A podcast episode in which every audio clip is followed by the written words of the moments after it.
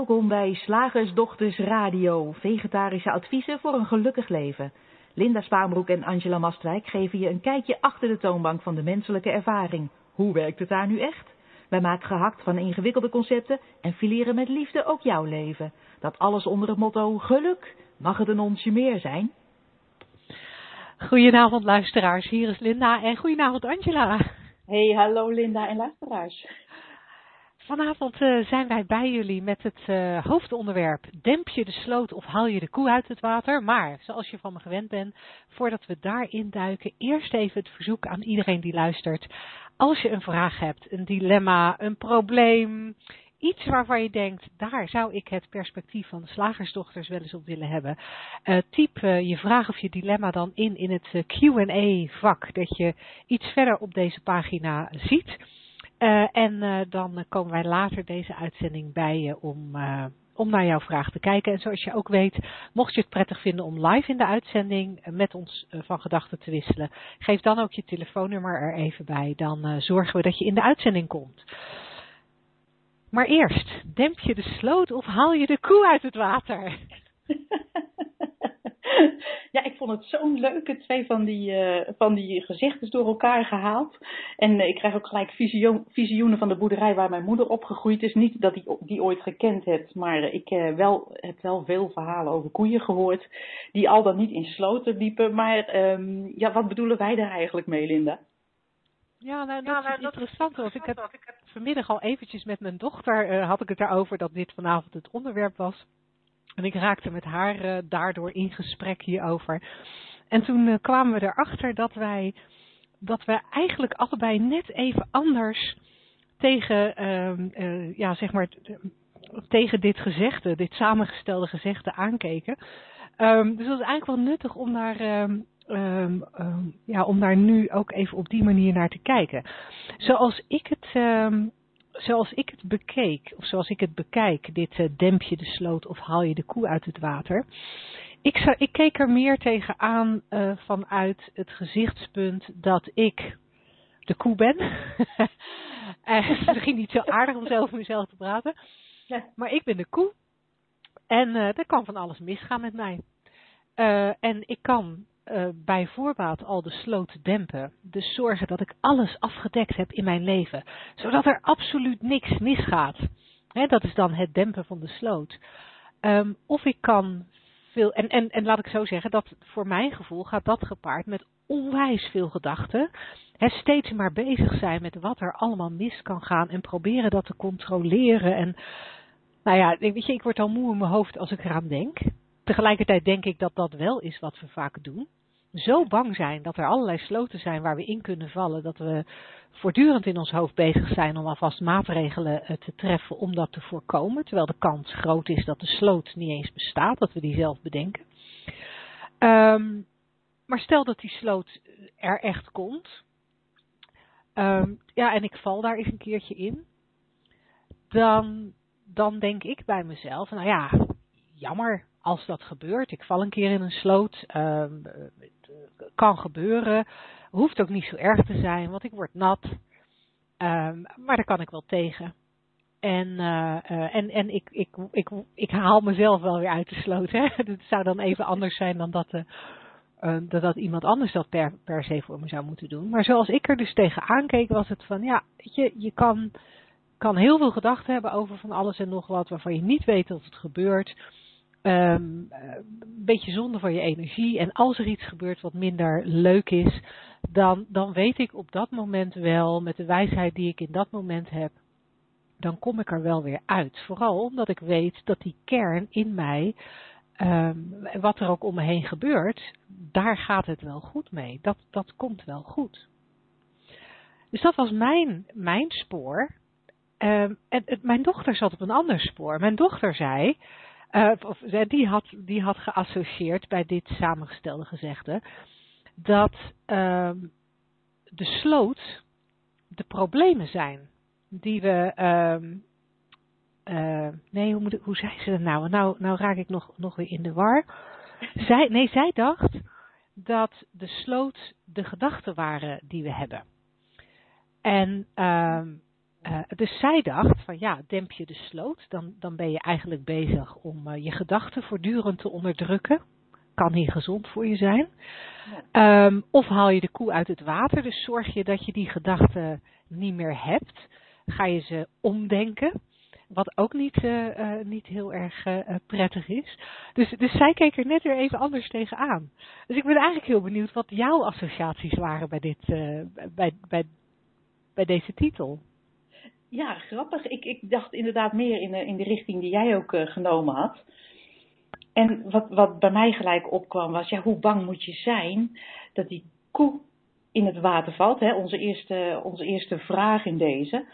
En toen dacht ik, ja, volgens mij heeft zo'n koe, en als wij dan voor die koe staan, geldt dat ook voor ons, uh, de wijsheid om niet voortdurend die sloot in te lopen. Zoiets had ik, uh, had ik er een beeld bij. Dus we hoeven daar niet zo bang voor te zijn. Maar het kan nog steeds voorkomen dat het gebeurt. En zoals jij inderdaad net opmerkte, dan kom je er wel weer uit. Wetende dat even in de sloot liggen niet zo, uh, niet zo erg is. Dus ik dacht ook meer in, in jouw richting. Ik had niet het idee dat het om, uh, dat het om gedachten ging, maar meer om, ja, zo'n zo'n koe in de sloot, dat lijkt gewoon een groot probleem. Uh, als we dat van tevoren gaan bedenken. En dan lijkt het alsof we daar bijvoorbeeld een verzekering voor moeten afsluiten. Oftewel, die sloot vastdempen.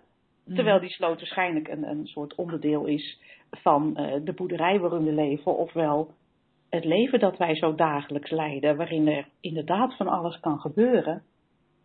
Maar hoe erg is dat? En, en, ja. en is het niet veel te vermoeiend om allemaal van tevoren te bedenken wat er gaat gebeuren en dat zien te voorkomen? Um, is dat niet veel meer, veel stressvoller? Leidt dat niet tot veel meer gedachten? van tevoren al dan dat op het moment dat het gebeurt, je valt een keer in die sloot, want er gebeurt wel eens wat in het leven. Hè? Dat ontkennen wij niet, Linda. Nee. nee, ja, dan, het vertrouwen hebben dat je er wel weer uitkomt. Ja, Sydney Banks zei altijd, uh, uh, life is a contact sport. Het, het, ja. is een, het, is net als rugby een sport waarbij je elkaar aanraakt en waarbij, waarbij je dus pijn kunt oplopen. Uh, en dat geldt, dat, dat, dat, dat, dat is ook zo. En, uh, maar dan is inderdaad de vraag, hoe, hoe bang wil je ervoor zijn? Hoeveel verzekeringen wil je ervoor afsluiten? Uh, dat vind ik wel mooi dat je dat zo zegt. En ook het feit dat we vaak het idee hebben dat... Ja, ik moet ineens denken aan, was het niet Toon Hermans die zo'n zo'n tegeltje had een mens lijdt meestal nog het meest door het lijden dat hij vreest? Of is dat meer een, gewoon een algemeen uh, tegeltje, wat ik op heel veel, uh, heeft het niks met Toon Hermans te maken? Ja, volgens mij is het veel ouder dan Toon Hermans. Oké, okay, oké. Okay. Het gaat zelfs nog verder en dat vind ik heel mooi. Want hij het hing vroeger aan de muur bij een vriendin van mij waar ik vaak uh, was. En, en de, het vervolg daarop is, zo heeft de mens meer te dragen dan God te dragen geeft. En dat, dat geeft dus ook al aan van het hoeft niet. Zoveel hoef je niet te dragen. Je hoeft je niet zo'n zorgen te maken. Want wat je bedenkt gebeurt meestal niet. Want ons hoofd is zo slim. Dat kan, dat kan miljoenen scenario's bedenken. Hè? Mm. En dan is het, waar wij het vorige week ook al over hadden, heel interessant dat het dan meestal ook niet zulke gezellige scenario's bedenkt. Nee. Nee, dat blijft, dat blijft fascinerend. Dat we vooral ja. de negatieve scenario's bedenken. Ja. Terwijl het positieve scenario net zo waar kan zijn, of net zo onwaar. Maar we zijn daar blijkbaar minder snel in uh, geneigd te geloven. Ja. En wat wij ook hierin stelden is, wat is een boerderij zonder sloten? Daar moest ik ook heel erg om lachen, want ik had er gelijk een beeld bij. Maar wat het mij ook bracht was een herinnering aan een twee jaar geleden. Toen was ik in uh, Zuid-Frankrijk op een, op een camping en wij kwamen daar aangereden. En uh, op dat moment verzamelde zich een groepje om de volgende dag te gaan wild water raften. En ik dacht, oh, dat ga ik ook doen. Dus ik meldde mij gelijk aan en de volgende dag hees ik mij in zo'n pak. En gingen wij met z'n allen in zo'n grote rubberboot de rivier af en kregen wij van tevoren nog wat instructies mee. Um, um, wat, wat, we moesten doen als het dus misging, als de koe in de sloot viel, volgens mm-hmm. ons gezegd. Uh, of als je dus in dit geval buiten de boot viel. En dat was allemaal gericht op kalm blijven, En uh, opletten uh, of er iemand een peddel toesteekt. Hè, dan, dan denk ik, gebruik je, gebruik je wijsheid. Maar wat ik mij achteraf bedacht is, en dat is de link naar de boerderij zonder sloten. Het was namelijk een hele wilde rivier. En dat was leuk. Het was spannend. En het was dus helemaal niet, niet leuk en spannend geweest als wij dat bootje uh, in waren gegaan en ons de hele rit angstvallig aan de kant hadden vastgehouden, omdat het wel eens eng zou kunnen worden, omdat we wel eens ja. om zouden kunnen slaan. Nee, wat het leuke was, gewoon die sloot induiken, ofwel gewoon gaan met gebruik van de, de instructies die we dan kregen, wat ik gewoon wil bestempelen als gezond verstand, maar wel dat avontuur aangaan en niet angstvallig aan de kant blijven zitten. Want dat is een boerderij zonder sloten. Lijkt me een beetje saai. Wat jij? Ja, nou sowieso saai. En het gaat totaal voorbij aan het feit wat jij uh, al, eerder noemde. Uh, jij zei het in andere woorden, maar we hebben ook de veerkracht om dingen. We hebben de veerkracht om dingen mee te maken. We hebben de veerkracht om eens in die sloot te vallen of om eens uit die boot te vallen. Uh, om, om iets mee te maken wat, uh, wat naar is. en en, met, en, en, we hebben die veerkracht vooral doordat uh, de dingen die we meemaken uiteindelijk onze kern niet daadwerkelijk aan, aantast. En dat vind ik, dat vind ik een heel. Voor mijzelf is dat een heel bijzonder element om naar te kijken. En is dat ook wat, wat mij meer gevoel van veiligheid geeft dan alle sloten die ik zou kunnen proberen te dempen. En wat me ook meer gevoel van vrijheid geeft dan alle sloten die ik zou kunnen bedenken, uh, zou, zou, zou kunnen dempen, is door, door steeds meer te gaan zien dat, dat die kern, waar we allemaal mee geboren worden, die default setting, dat dat er een is van, ja, hoe noemen we dat? Tevredenheid, stabiliteit, geluk, welzijn. Ik weet nooit zo precies hoe je het moet omschrijven. Uh, maar, maar maar alles wat er om ons heen gebeurt, kan dat nooit daadwerkelijk aantasten. Het enige wat het, wat het zicht eraan onttrekt, en dat heb ik natuurlijk al vaker gezegd, uh, ik voel dat ik mezelf ga herhalen, maar het enige dat het zicht eraan onttrekt zijn onze gedachten, die daar echt hele, ja, die, die, die, die echt een mist optrekken, waardoor je niet meer ziet dat je van binnen eigenlijk, uh, eigenlijk oké bent en sterk en krachtig en, en veerkrachtig. En als als je dat wel kan zien, heb ik zelf gemerkt, de, de, de, de, naarmate ik dat meer kan zien bij mezelf, uh, heb ik minder veiligheid nodig van gedempte sloten. Want dan heb ik veel meer vertrouwen dat het wel oké is. En dat ik in elke omstandigheid wel oké zal zijn. Of ik nou wel of niet natte voeten krijg in die sloot. Of misschien zelfs een keer kopje onder ga. Uh, ik ben en blijf oké. Okay. Ja, en dat is natuurlijk uh, ja, de ultieme uh, welzijnsverzekering. ja, precies. Ja, die, die wetenschap, ook al heb je daar niet, uh, niet altijd even helder zicht op, maar ergens speelt dat toch in je achterhoofd als je deze kant gaat opkijken en weet hoe, het, hoe jouw ervaring van alles gecreëerd wordt van binnen naar buiten, dan kan het niet zo zijn dat een sloot jou iets doet voelen.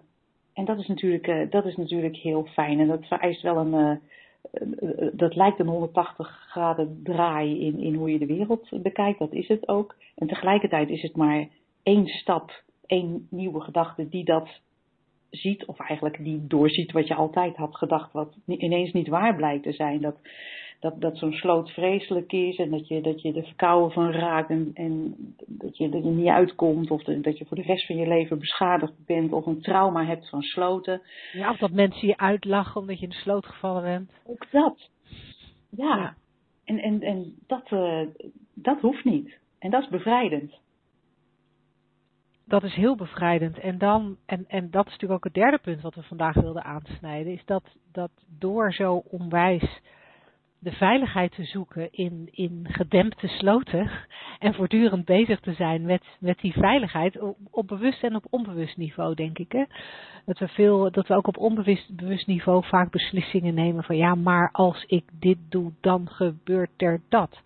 En uh, dat dat heel erg je vrijheid uh, beperkt. Want dat betekent dat je in het moment niet kan doen waar je zin in hebt, omdat je allerlei scenario's hebt waarom dat niet zou, uh, zou mogen en zou kunnen.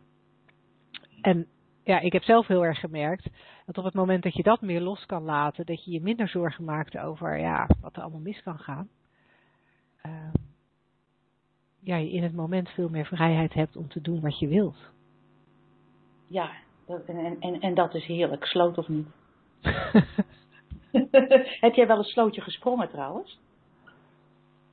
Nou, ik denk dat ik het wel eens gedaan heb, maar het is me niet heel erg bijgebleven. Het is niet dat het een evenement in mijn leven is geweest.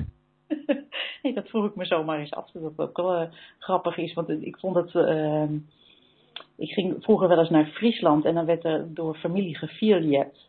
En ik vond ja.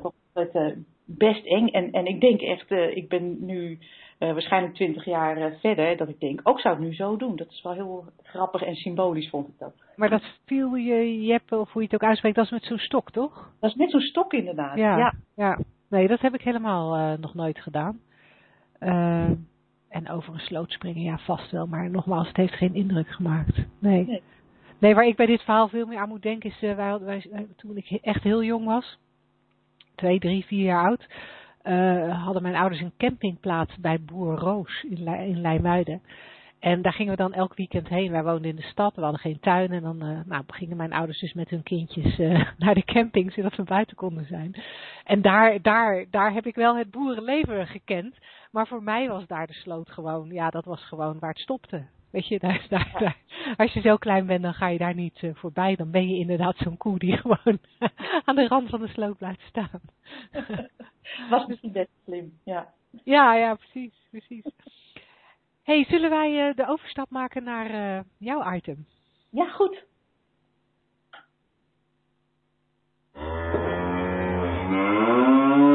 Slagersdochters, wat zit er in de leverworst? Oftewel, tijd voor wat wetenschap. Ja, en dat is dus inderdaad mijn onderdeeltje.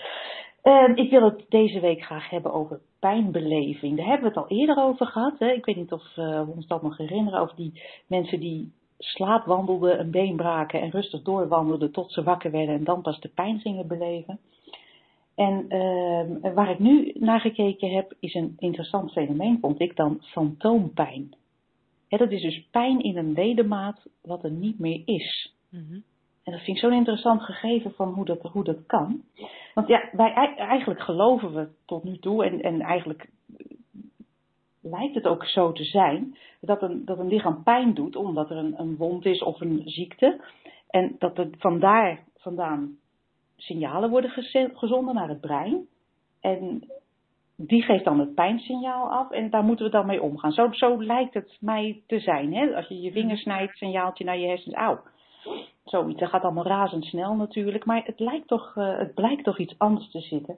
En ik heb daarvoor gekeken naar een onderzoek van, van een dokter met een hele ingewikkelde naam. Uh, Vilayanur Ramachandran. Die heeft allemaal heel interessante fenomenen in de hersenen bekeken. Hij is ook neuroloog. En het blijkt dus weer anders te liggen. Het brein ontvangt namelijk helemaal niks, maar bestuurt die pijnsignalen die wij voelen. En creëert dus eigenlijk de pijn en dus blijkbaar ook vanuit niet bestaande locaties. Hmm. Mm Fantoompijn dus. Nou, een leuk voorbeeldje was de Britse admiraal Lord Nelson. Die verloor zijn arm in een gevecht. Maar hij bleef die arm voelen en hij concludeerde daaruit, en daarom wil ik dit voorbeeldje even noemen, uh, dat is een bewijs voor het bestaan van de ziel. Want als, als er pijn zit in het niet-fysieke, ja, dan moet er toch ook iets eh, als zijn als een, als een ziel wat voortstaat okay. buiten het fysieke. Vond ik een, een leuke conclusie van hem. maar goed, dat even, even was een klein zijspoortje. Uh, maar 95% van de mensen met een geamputeerde ledemaat houden dus blijvend pijn in dat afwezige deel. En daar is meneer Ramachan van ingedoken en ik dus ook. En het gebeurt ook bij verwijderde organen. Nou, zijn aandacht trok het en uh, hij heeft het fenomeen daarna de onderzoek onderworpen. Want hij had namelijk een patiënt die chronisch pijn had, of chronisch jeuk had, sorry, aan een geamputeerde arm. Dat is natuurlijk heel vervelend, want je kan niet krabben. Nee. Nee, dat, is, uh, dat lijkt mij ernstig ingewikkeld. Uh, hij ging dus de hersenen van die patiënt onderzoeken. En daar zag hij dat er zijn allerlei, dat de pijnbeleving ten eerste in de door de hele hersenen plaatsvond. Maar ook dat er dus bepaalde gebieden die corresponderen met bepaalde ledematen in de hersenen, dat die bij het verdwijnen van een ledemaat een beetje gingen vervagen. En bij deze specifieke patiënt ontdekte hij dus dat uh, het deel van zijn hersenen wat altijd correspondeerde met die arm, die er nu niet meer was, een beetje was gemengd met een gebied in de hersenen dat correspondeerde met zijn wang. En raad eens wat? Die meneer kon aan zijn wang krabben en dan de jeuk aan zijn arm kwijtraken. Nou, fascinerend zou jij zeggen, denk ik. Ja, ja, ja, ja dat vind ik heel fascinerend. dus in neuroplastisch opzicht, hè, je brein is enorm uh, flexibel. Uh, verandert er dus iets als je een, een, een ledemaat uh, verliest. En, en gaat dus, bepaalde gebieden gaan elkaar een soort overwoekeren. En het voortdurend veranderende brein creëert dus een illusie voor de mens van waar uh, de pijn plaatsvindt. Dat vindt dus helemaal niet plaats in dat lichaamsdeel, maar in de hersenen. En dat is dus ook weer, net als alle andere uh, wetenschap die wij hebben bekeken, die over de hersenen gaat, het creëren van één grote illusie. En wat bedacht deze meneer nog meer? Het is soms het geval dat als mensen een, eh, een ledemaat verliezen, bijvoorbeeld met een ontploffing, of ze verliezen een ledemaat wat voor de amputatie heel lang in een bepaalde ongemakkelijke houding heeft gezeten, dan blijft die pijn van die ontploffing of die pijn van die ongemakkelijke houding, die blijft voortduren na de amputatie.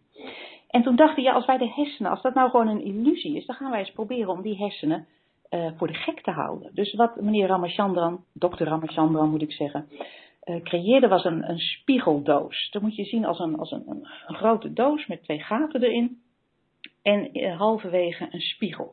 En wat hij deed, bijvoorbeeld bij dus iemand die zijn hand verloren was in een explosie en voortdurend de pijn van die explosie voelde, uh, hij deed de gezonde hand in de doos, liet de persoon in de spiegel kijken terwijl de gezonde hand bewoog. Waardoor de, het brein de illusie kreeg, dus het was een soort illusie voor het illusie producerend brein, mm-hmm. dat uh, de andere hand ook mee bewoog. He, dan moet je je voorstellen, als je, voor, als je een spiegel halverwege je lichaam zet, of in dit geval in een doos, ja. en je beweegt één hand, dan, dan, dan lijkt het alsof je je andere hand ziet bewegen. Ja.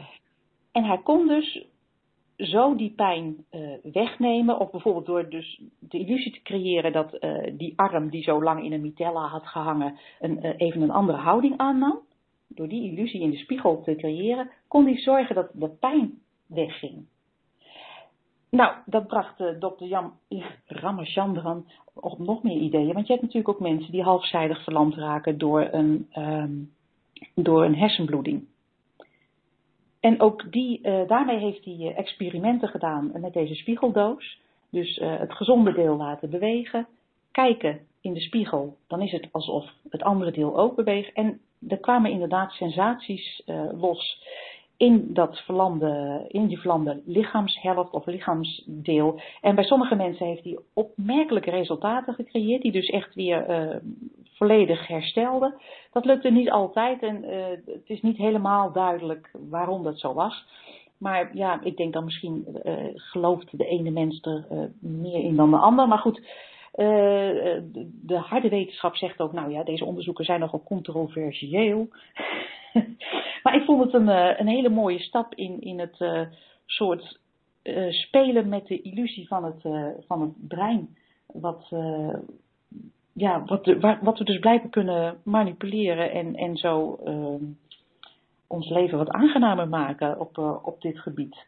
En wat hij trouwens ook nog ontdekt had, dat was even een laatste detail is dat, uh, uh, wat we eerder zeiden, er werd gedacht er zijn pijnsensors en die sturen dus uh, pijn naar de hersenen. Dan zou het zo moeten zijn dat de heftigheid van de pijn ook te maken heeft met de ernst van de beschadiging. Hè? Een klein sneetje ja. hierin doet niet zozeer als, als je hele hand eraf. Nou, dat, dat blijkt dus ook eigenlijk totaal niets met elkaar te maken te hebben. Dat is maar net wat, wat het individuele brein ervan creëert. Dat vond ik ook een leuke.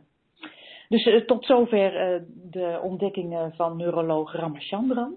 En uh, wat, waar, wat ik zelf bedacht na het lezen van dit onderzoek, van de verschillende onderzoeken die hij heeft gedaan, ik dacht, ik vind het heel interessant het woord fantoompijn. Het is dus pijn aan iets wat niet bestaat. En ik dacht, dat doen wij eigenlijk geestelijk ook vaak als we, even om een, een link te leggen naar de drie principes waar we over praten. Geestelijk doen wij dat ook vaak, hebben we ook een soort fantoompijn, omdat wij uh, iets wat al lang voorbij is, uh, de, het verdwenen ledemaat, maar in dit geval een, een, een voorbije gebeurtenis, nog steeds ervaren als, als nu spelend en, en nu pijn doet. Hè? Dat zie je bij mensen die, die een, een, trauma hebben opgelopen of anderszins geestelijk beschadigd lijken. Ik zeg met nadruk lijken te zijn door iets wat in het verleden is gebeurd. En ik denk, ja, dat is eigenlijk ook een soort illusie van het brein. En, en dus eigenlijk zouden we dat ook als fantoompijn kunnen bestempelen, maar dan in geestelijke zin. Ja, en wat, wat ik wat ik dan interessant vind, ik probeer het woord fascinerend even te vermijden, um, is, is, dat, is dat net als bij, bij die fantoompijn aan een ledemaat, hè, waar de jeuk of de pijn echt net zo echt is als toen, toen het been uh, of, of, de arm er nog was, uh, dat, je, dat je dat ook ziet bij dingen die in het leven van mensen uh, hebben gespeeld. Ja. He, of het nou een verloren liefde is of um, een, een verloren baan ik heb zelf uh, ooit eens door een auto-ongeluk ben ik in de WHO terechtgekomen, waardoor ik een, mijn werk als stewardess niet meer kon doen. Ehm, daar heb ik heel erg lang last van gehad. Ehm, terwijl, in, terwijl op een gegeven moment nu, na, vijf, zes jaar, dan, dan was mijn hele leven anders. was, was er eigenlijk de, het feit dat ik geen stewardess meer was um, had eigenlijk niet hoeven spelen. Want in tegenstelling tot zo'n arm die je kwijt bent, had ik wel gewoon weer een nieuwe baan en had ik wel een andere dagbesteding. Maar, maar toch bleef ik pijn ervaren van het feit dat ik dat kwijtgeraakt was. En ik sprak een tijdje terug ook iemand die datzelfde had met een liefde die die kwijtgeraakt was. Wat alweer jaren geleden was, maar deed nu nog steeds pijn ja, het is, uh, ja, ik ga toch echt het woord gewoon gebruiken. Ik vind het fascinerend dat we dat als mens doen. Ja. Dat we uh, oude, oude herinneringen, oude uh, gebeurtenissen en, en maar blijven herhalen, blijven meedragen. En ik wil niet zeggen dat ze niet spontaan op kunnen komen. Maar als we ze zien voor wat ze zijn, hé, hey, die ledemaat is er niet meer. Dan hoeven we ons brein niet eens in de gek, voor de gek te houden, maar gewoon naar de realiteit te kijken het is voorbij, het, het, het, is gebeurd. Dus, dus wat mijn brein nu aan herinneringen ophaalt. Ja, hartstikke leuk, maar ik hoef daar niet in te geloven. Ik hoef mijn uh, ervaring daarvan in, in dit moment uh, niet, ja, niet serieus te nemen eigenlijk. Nee, en toch is er iets, zie ik, hè, observeer ik. Eh, en ik, ik kan dat natuurlijk altijd weer makkelijker observeren bij andere mensen dan bij mezelf. Uh, maar toch observeer ik bij een aantal mensen dat ze die pijn, nee, dat, ze, dat, dat die stap heel moeilijk te zetten is. De stap naar, ja, maar het is al lang geleden en het is niet in het hier en nu. Omdat, omdat ze dan zeggen, en ja, nogmaals, heel toevallig heb ik een aantal mensen gesproken die heel verschillende uh, dingen uit het verleden hadden die, die hen uh, op dit moment nog achtervolgen.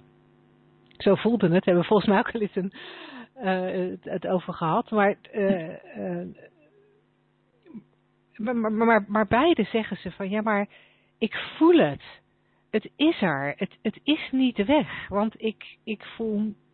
Ik heb dat verdriet. Ik heb dat schuldgevoel. Hè. Bij, bij, bij elk van hen ging het om iets anders. De een heeft het over, het over de pijn en het verdriet. De ander heeft het over het schuldgevoel en, en de pijn. Ja, kan je daar iets over zeggen? Ja, we hoeven dat natuurlijk ook niet weg te drukken. Het is niet zo dat wij als slagersdochter zeggen je mag niks voelen. Alleen is het zo dat het verhaaltje wat we erbij verzinnen vaak onnodig is en onnodig het verhaal in stand houdt. Er kan pijn opkomen, er kan een schuldgevoel opkomen, mm -hmm. maar dat kan alleen door wat we in dat moment denken. Hè? Een, gevoel kan alleen maar gecreëerd worden door wat we in het moment denken, wat in het moment speelt. En ja, er komt wel eens een gedachte op aan een, iets wat gebeurd is, aan een, aan een verloren liefde of, of een, een, gebeurtenis die je denkt te, te, voorkomen te, kunnen hebben, maar niet gedaan. Uh, dus, dus, dus schuldgevoel. Ja, dat kan opkomen. Maar alleen door een gedachte in dat moment. Doordat het dus blijkbaar in het bewustzijn komt. Want anders zou je het niet voelen.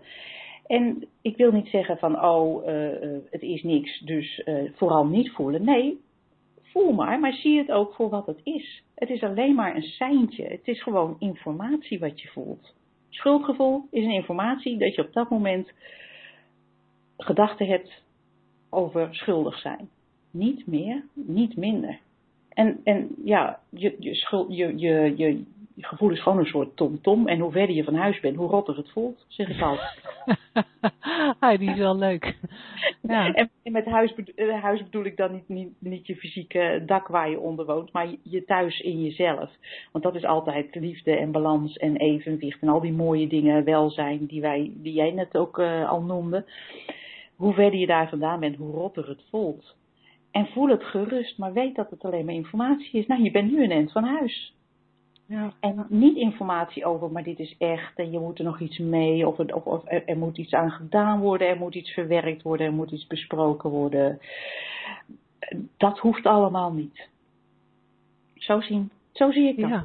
Ja. ja, nou en dat is het interessant, hè? want dat is natuurlijk wel de neiging uh, die we hebben en die, die, die ook uh, ja, met de opkomst van, van de hele coaching en, en psychologie en psychotherapie uh, steeds meer in zwang is geraakt. Dat, dat we er iets aan moeten doen. Dat we die pijn heel serieus moeten nemen. En dat, die, uh, ja, dat we er vooral veel over moeten praten om hem weg te laten gaan. En ik denk vaak dat je hem daarmee alleen maar in stand houdt. Ik zie zelf, ik zie zelf meer en meer dat als ik, uh, ja, zoals jij dat dan noemt, ver van huis ben.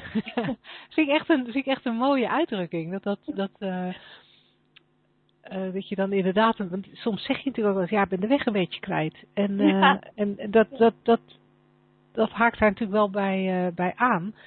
Maar dat als ik ver van huis ben, dat ik wel meer en meer dat ook kan constateren. En dan uh, ik had vandaag ook zo'n dag dat ik, ik, ik voelde gewoon aan mezelf, of ik merkte aan alles eigenlijk dat ik echt zo verschrikkelijk in mijn hoofd zat. Ik had echt, ik had echt een gedachtenstorm waar ik helemaal, waar ik zelf bijna helemaal stil van werd. Uh, en, en, en, die absorbeerde mij zo dat ik ook allerlei dingen vergat. Weet je, als ik vandaag twee keer buiten heb gestaan zonder dat ik sleutels bij me had. En deze oh. keer had ik geluk dat er mensen thuis waren. Het is me ook wel eens overkomen dat er niemand thuis was. Ja. En het s'avonds tien uur was en het regende. Aha. Uh, maar, maar dat, dat ik. Uh, ja, dat, dat, ik, dat ik inderdaad heel heel erg in gedachten was en, en, en dingen die mij op dat moment, het was niet een dramatische pijn of zo, maar wel iets wat mij echt heel erg dwars zat. En dat ik tegenwoordig, als ik in zo'n situatie zit, wel nog weet dat ik, dat ik van mijn padje af ben en dat ik eigenlijk niet zoveel hoef te doen om mezelf weer op dat pad terug te komen. Of zoals jij dat hè, in, jouw bewoordingen, dat ik eigenlijk niet zoveel hoef te doen om gewoon weer thuis te komen. Dat dat een kwestie is van, in mijn geval, zoals ik het beleef. Nou ja, laat maar even gebeuren. Ik zit in een gedachtenstorm of uh, ik, ervaar evenveel pijn of ik ervaar evenveel verdriet. Uh, maar op enig moment gaan de gedachten die dat veroorzaken, die, die, die gaan weer weg. En, en wat er dan overblijft is die liefdebalans oké zijn. En dat vind ik heel geruststellend als ik, uh, als ik een beetje verdwaald ben. Ja, dat is inderdaad fijn. Ja. En als je, ja, even blijven bij de vergelijking van ver van huis zijn. En ja, thuis zit altijd in je, hè, dus dat, dat is mooi. Het is niet zo dat je daar echt fysiek uh, of, of, uh, of uh, geestelijk vandaan kan raken. Het is alleen, het voelt zo in dat moment. Hè, dus je, ik, ik zit nu in Utrecht.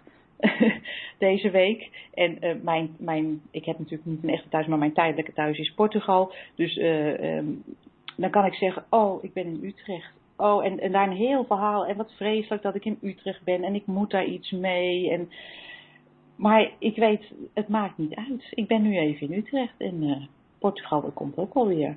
Ja. Het is, je bent waar je bent, maar daar hoef je niet een hele, een hele toestand van te maken. Het is net als je in je auto zit en je tomtom instelt.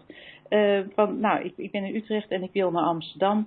En, en dat je gewoon niet wegkomt uit Utrecht, omdat je maar blijft kletsen over, oh Utrecht, en ik wil helemaal niet in Utrecht zijn. Ik vind het echt vreselijk in Utrecht. Ik moet het echt oplossen hoor, dat, dat Utrecht zijn. Want ik kan het gewoon niet aan in Utrecht en uh, ik moet naar een therapeut, want ik zit in Utrecht. Ja. Terwijl ik denk, ja, weet je, je komt vanzelf in Amsterdam. Pak de auto, pak de trein. Volg ja. je tomtom. Altijd ja. goed.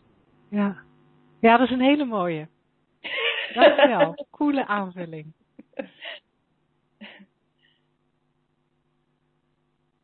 Dan, dan ga ik nog even op zoek naar ons volgende muziekje.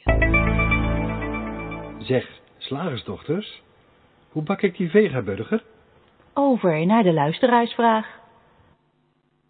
Ja, ik keek nog even hoopvol op de mail, want er kwam er net een binnen, maar helaas niet een vraag voor de slagersdochters. Heb jij ondertussen live nog iets binnengekregen? Kijk eventjes, want ik moet dan even een schermpje ver, verversen.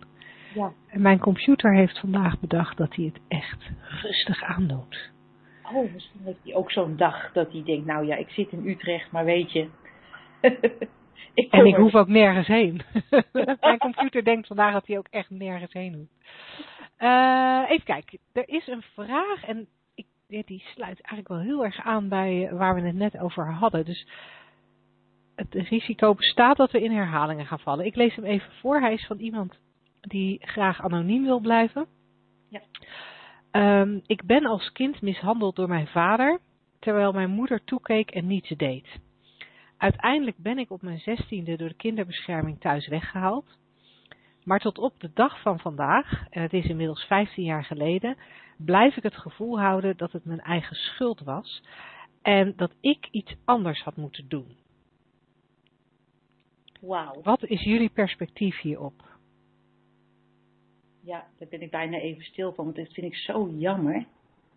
Dat zoals ik net al eerder zei, ons, ons hoofd, ons brein heeft de mogelijkheid om een miljard perspectieven te verzinnen op een gebeurtenis, of dat nou nu is of in het verleden of geprojecteerd in de toekomst.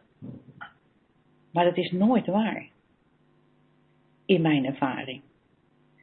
Dus wat dat hoofd ook verzint aan. Kijk, ik ga absoluut niet ontkennen, want dat, dat wil ik wel eventjes helder hebben. Wij gaan niet ontkennen dat er iets is gebeurd. Er is wel degelijk iets gebeurd in het leven van deze vragenstelsel. Maar alles wat daarover gedacht wordt, is slechts een van de miljarden perspectieven die je daarop kunt hebben.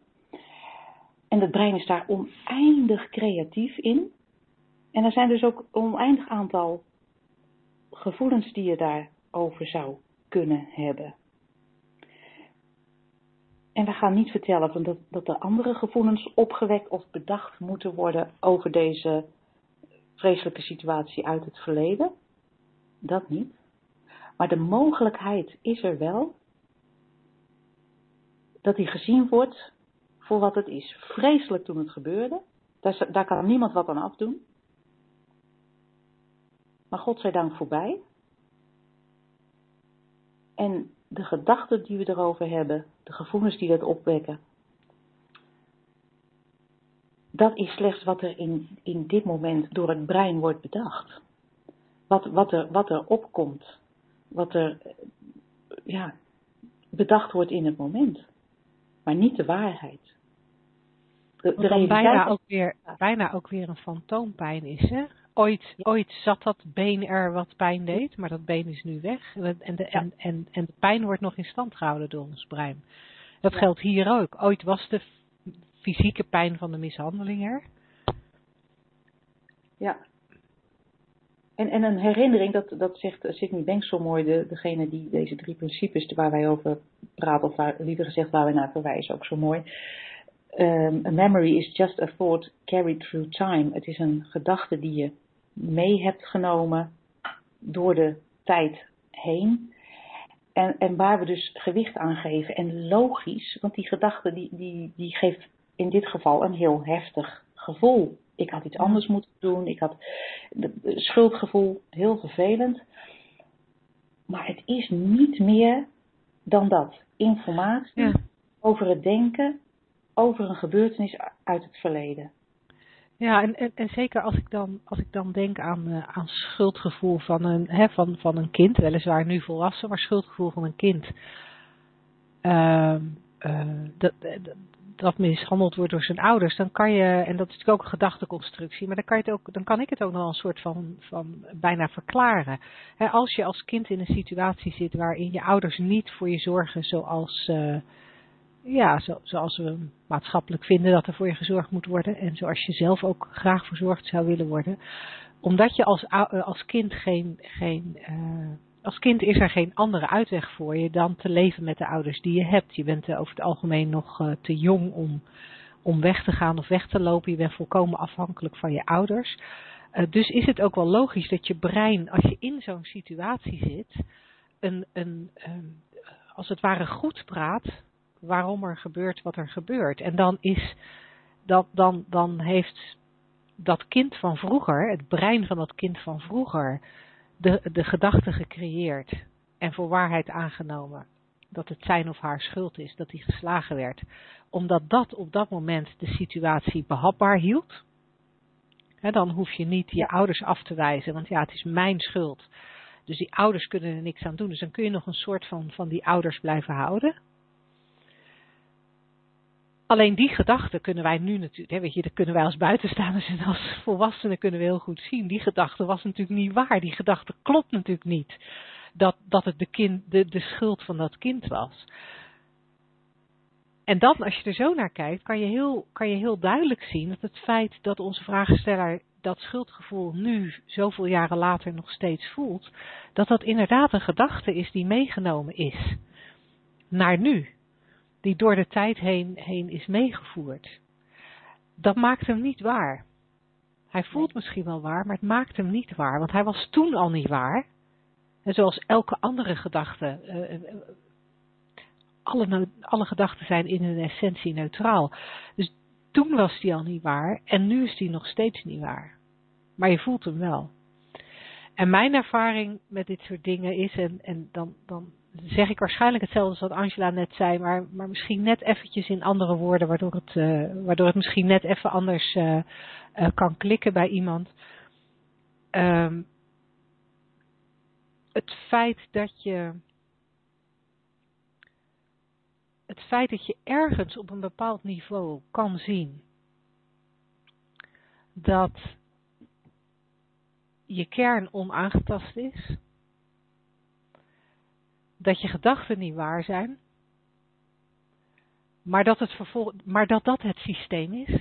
het systeem is dat we gedachten hebben dat ons bewustzijn daar lading aan geeft, waardoor het heel erg echt gaat voelen. Dat is het systeem, daar kunnen we ook moeilijk aan ontsnappen. Zo, zo, zo, net als dat we niet kunnen ontsnappen aan de zwaartekracht, kunnen we ook niet aan, dit, aan deze wetmatigheid ontsnappen. Maar weten dat dit aan de gang is en en, en daar waar je het kunt zien. Ja, een soort bewijs voor jezelf zoeken. En ik kan me voorstellen dat als hè, onze vragensteller de, de situatie met, met de mishandeling en het schuldgevoel daaromheen, dat het, dat het misschien wel heel lastig is om het op die plek te zien, nu al, over dit onderwerp. Maar als je het over andere onderwerpen in je leven kan zien, dat, dat je inderdaad gedachten meeneemt uit het, uh, uit het verleden, dan kan dat heel veel verlichting geven, uh, uiteindelijk ook op dit stuk waar je je vraag over stelt. En het is een heel, ander, een heel andere context. Maar ik wil hem toch even noemen omdat het, uh, nou ja, omdat het een lekker licht en luchtig onderwerp is. Uh, en en, en da, da, dan kan je misschien zien wat ik bedoel. En als ik, het, als ik dit voorbeeld vorige week al gegeven heb, dan uh, moet je me even stoppen, want dan ben ik in herhaling aan het vallen. Ehm, maar ik, ik was vorige week aan het wandelen met de hond en toen kwam ik uh, twee mensen tegen in, uh, in de duinen. En uh, nou, zo'n hondje als ik heb is dan heel leuk, want die gaat contact maken met andere honden. En als baasje moet je daar dan in mee. dus je maakt praatjes met mensen waar je anders nooit mee in contact zou komen. En dit bleken twee oud-KLM'ers te zijn. Een, een oh, voormalig ja. stewardess en een voormalig gezagvoerder. Dat had ik al verteld. Ja, had je verteld, ja. Oké. Okay. Ja, nee, dan, dan, dan, uh, uh, dan hou ik het heel erg ja. kort voor, voor ja, degene die... Ja, de luisteraar het niet gehoord, dus het kan best relevant zijn, Linda. Oké, okay, en, um, en wij raakten met elkaar aan de praat en ik heb ook gevlogen, weliswaar niet lang, maar ik heb wel ook gevlogen. Uh, en we raakten aan de praat en wat ik merkte, het was een superleuk gesprek, hè, daar, daar, daar niet van. Maar wat ik merkte, was dat ondanks het feit dat ik al 27 jaar weg ben bij de KLM, dat ik dat in dat moment mijn hele identiteit bepaald werd door, door het feit dat ik ooit stewardess geweest was. Dus ooit, ooit liep ik in dat blauwe pak en beleefde ik bepaalde dingen en maakte ik reizen. Maar daarna is er heel veel gebeurd en is er heel veel, weet je, ik, ik heb heel veel andere dingen meegemaakt. Want nogmaals, 27 jaar is natuurlijk best een hele tijd. Zeker als je het afzet tegen die, uh, tegen die anderhalf jaar dat ik, die, die ik concreet gevlogen heb. En toch in dat moment was, was ik weer die stewardess. En, en, en hadden we het ook over, over KLM dingen en over stewardessen dingen. en, en voor mij was dat zo'n mooi voorbeeld over hoe, hoe iets wat eigenlijk geen rol meer speelt in mijn huidige leven, dan toch even heel erg naar het nu gehaald wordt. Ja. Het was natuurlijk niet echt. Maar het voelde wel even heel echt. En die identiteit nogmaals was even heel erg die van de stewardess. En dat vond ik, dat vond ik een heel, voor mij was dat, maakte dat heel mooi zichtbaar hoe, ja, hoe datgene waar je op focust in het moment ook, ook heel veel uitmaakt voor, voor de gesprekken die je hebt en voor, ja, voor Ja, hoe je je voelt. Ja, precies. Want daar wil ik ook nog even op inhaken, want eh, het is inderdaad een relevant verhaal.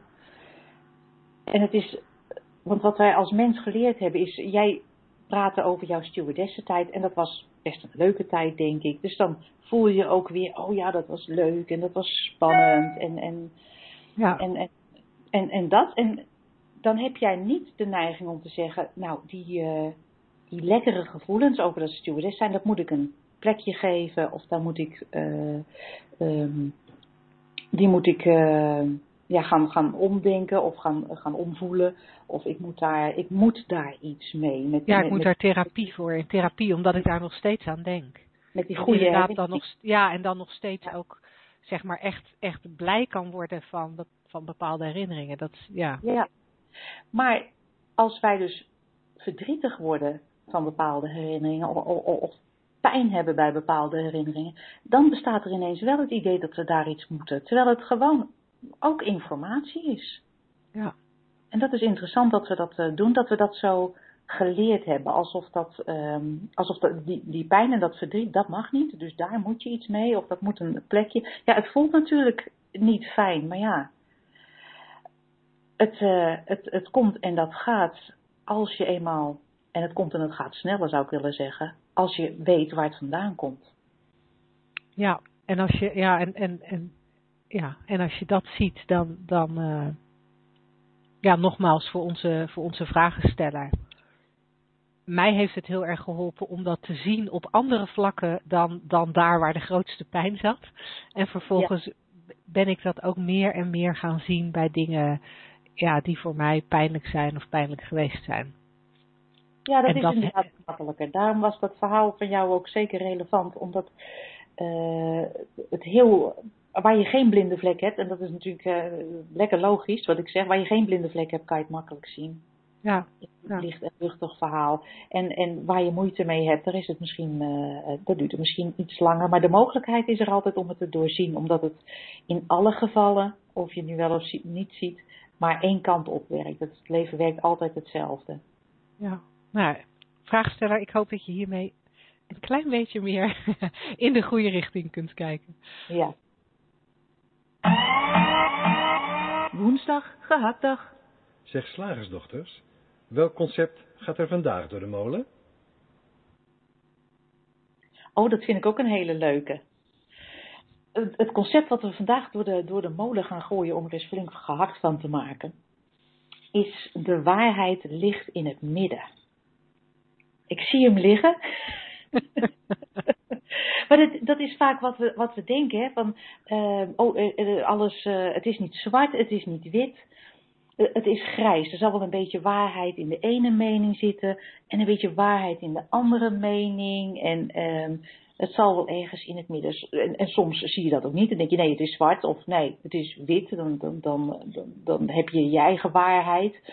Um, uh, maar het lijkt zo te zijn in, in zaken waar we redelijk neutraal in zijn. Dat de waarheid in het midden ligt. Of dat we dat ook wel bereid zijn om te zien in, in bepaalde ja, situaties in, ik weet het niet, in, in de politiek of in, uh, ja, noem maar op. Ja, in, re, in relaties, weet je, als je ruzie hebt met je partner over iets, ja, dan zal de waarheid wel in het midden liggen. Ja, jij ruimt nooit op, ik ruim altijd op. Nou ja, dan zal de waarheid wel zijn. Hij ruimt of zij ruimt uh, af en toe op of zo. Ja, zo, ja. zo, zo dat lijkt uh, het feit zijn waar, waar, deze, waar dit concept naar wijst. En toch hebben wij er andere ideeën over. Ja, uh, jij, doe jij een voorzet of... Uh... ja, zal ik, zal ik deze bom even droppen dan? Ja, leuk. Um, ik, in, in, in, waarheid bestaat helemaal niet. Punt. hij ligt niet in het midden, hij is niet zwart, hij is niet wit, hij is er gewoon niet. Alles, alles, alles, alles, alles wat wij kunnen bedenken en bedenken, is bedacht en per definitie niet waar. En tuurlijk kan ik hele goede analytische argumenten bedenken voor mijn standpunt. Maar het is nog steeds bedacht. En ja. het is nog steeds niet de waarheid. Nee. En dat neemt niet weg. Ik heb zo, uh, want laat zei iemand dat tegen mij, maar er zijn toch wel gedachten die waar zijn. En toen had ik zo'n soort nuancering van, nou er zijn bijvoorbeeld wel feiten, bijvoorbeeld uh, ik val op mijn gezicht. Hè? Feit. Maar ja. alles wat ik daar, zodra ik denk dat het vervelend is, dat het niet mag, dat het pijn doet, dat is allemaal niet waar, want we vinden die waarheid niet in de vorm. Zodra het menselijk brein er zich mee gaat bemoeien, en, en we hebben ondertussen in deze radioshow ook in de wetenschappelijke hoekjes wel steeds gezien dat dat brein zich er altijd mee bemoeit. Maar zodra dat gebeurt, uh, Sidney Banks zegt ook contamination of thought, dan wordt zo'n feit dus gevallen op het gezicht. Dat is een soort, soort fysiek dingetje. Alles wat, we, wat, wat wij eh, daarover menen is niet waar. En zelfs dat ik op mijn gezicht ligt, nou ja, dat wil ik dan beslissen dat dat, dat, dat uh, misschien ook nog wel onderdeel van de illusie is. Maar ik denk dat het in het kader van dit concept uh, te ver gaat. Ik Laten we stellen dat de waarheid voor de vorm ligt. Voordat wij er iets over gaan denken. Voordat het brein zich ermee gaat bemoeien. En dan kunnen we dus eigenlijk nooit onze mond open doen om waarheid te spreken. Vind je die, Linda? Nee, dat is ook zo. En, en, uh, en toch doen we dat natuurlijk vrolijk, hè? Want, het, want dat, ja. dat is uiteindelijk wel. We zitten hier een hele radioshow te doen. um, maar, want, want, want dat, dat is nou eenmaal de menselijke ervaring. Dat we met elkaar ja. in discussie gaan. Dat we ergens iets van vinden. Um, en, en dat is natuurlijk prima gewoon in het spel met, wat we met elkaar spelen. En, en weet je, daar mag je prima je voorkeuren hebben en je, en je niet voorkeuren. Ik heb vandaag ook gewoon vrolijk gestemd in het kader van, uh, oh ja? van, van, van uh, het referendum, wetende dat, dat, dat hier geen waarheid is. Dus dat, dat welk, welk uh, of ik nou voor of tegen stem, dat dat totaal arbitrair is en dat er evenveel argumenten zijn om, om, om, om met andere standpunten te stemmen. En toch vond ik in het, in, in het spel van dit leven het nuttig om vandaag uh, te gaan stemmen. En, en in mijn ogen is dat oké. Okay. Daar hoef je niet aan te onttrekken. Nee, dat maakt ook niet uit. Het is alleen wel heel fijn om te weten, zoals jij, je gaat gewoon stemmen. En dat komt, daar komt een ja of een nee uit. Maar ergens is er wel het weten dat dat uh, niet de waarheid is. Want um, ja, we kunnen inderdaad eindeloos creatief zijn in het bedenken van ja's en nee's. En dan komt er op een gegeven moment een beslissing. Nou ja, eigenlijk volslagen arbitrair, ja. Ja, en dat is natuurlijk... een hokje uh, misschien. Dat ja, ik, ik niet stemmen natuurlijk, hè, dus ik, uh, ik weet dat niet. Nee, dat was er niet. Het was echt alleen maar voor en tegen. Zwart-wit, ja. Ja. ja, en wel, wel, maar dan wel met zo'n mooi rood, ouderwets rood potlood. Daar was ik wel heel verheugd over. Dat ik, we hebben een rood potlood. Hij zat tegenwoordig wel aan een kettingje. Vroeger lag hij gewoon los in het stemhokje, maar tegenwoordig met alle, alle vandalisme zat hij aan een kettingje. Uh, ja, nee, dus, dus, dus um, wat ik interessant vind om nog heel even stil te staan bij wat jij zo even tussen neus en lippen zei over de waarheid is voor de vorm. Want dat is een, dat is een wat, uh, ja, niet wat, dat is een, een, een voor mij nogal. vage uitdrukking voor mij. Precies, een vage uitdrukking, een heel abstract begrip. En, um, en, en het, is iets, het is iets waar je alleen maar, je kan er alleen maar naar wijzen. Sidney Banks zei altijd van, zodra je woorden gaat geven aan de anvorm, zoals hij het noemde, ja, dan ga je eigenlijk al, dan gaat het eigenlijk al mis, want dan, dan ja, woorden is, een, is vorm. Hè, dat, is, dat is door mensen gemaakt. Uh, dus dus dan, dan wijs je al ergens naar wat, uh, ja, nee, eigenlijk alles wat je dan zegt klopt dus niet. Want je, nee. kan, je kan vorm niet toepassen op de, de, de anvorm.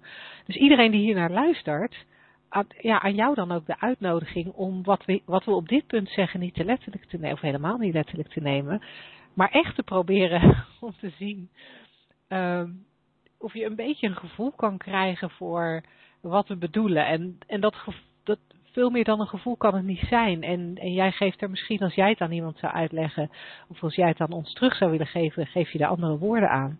Dat is allemaal prima. Uh, maar om, ons met, om eens met ons mee te kijken naar het feit dat er vorm is, waar wij in leven. de, de, de tastbare dingen, de, de, de, de, de gedachten die we hebben, de, de woorden die we gebruiken. Um, maar er is ook nog dat andere stuk. Voordat een gedachte een gedachte in ons hoofd is, is het nog niks. Nee. En daar zit iets. En ik weet niet of dat helemaal klopt, maar dat is dan even, hè, dat, dat, dat is dan even, zijn even mijn woorden die ik eraan geef. Ook voordat we geboren worden, of zo, voordat we, voordat we uh, conceived zeggen ze in het Nederlands, of in het Engels, hoe zeg je dat ook in het Nederlands? Uh, ja, de conceptie. Ik weet oh ja, niet voor, de, voor de conceptie. Voor de conceptie. Maar voor, voor de conceptie was er, was er was er antvorm en na de conceptie was ik er, was jij er, was, kon zich iets vormen. Ja. En, en daar in die antvorm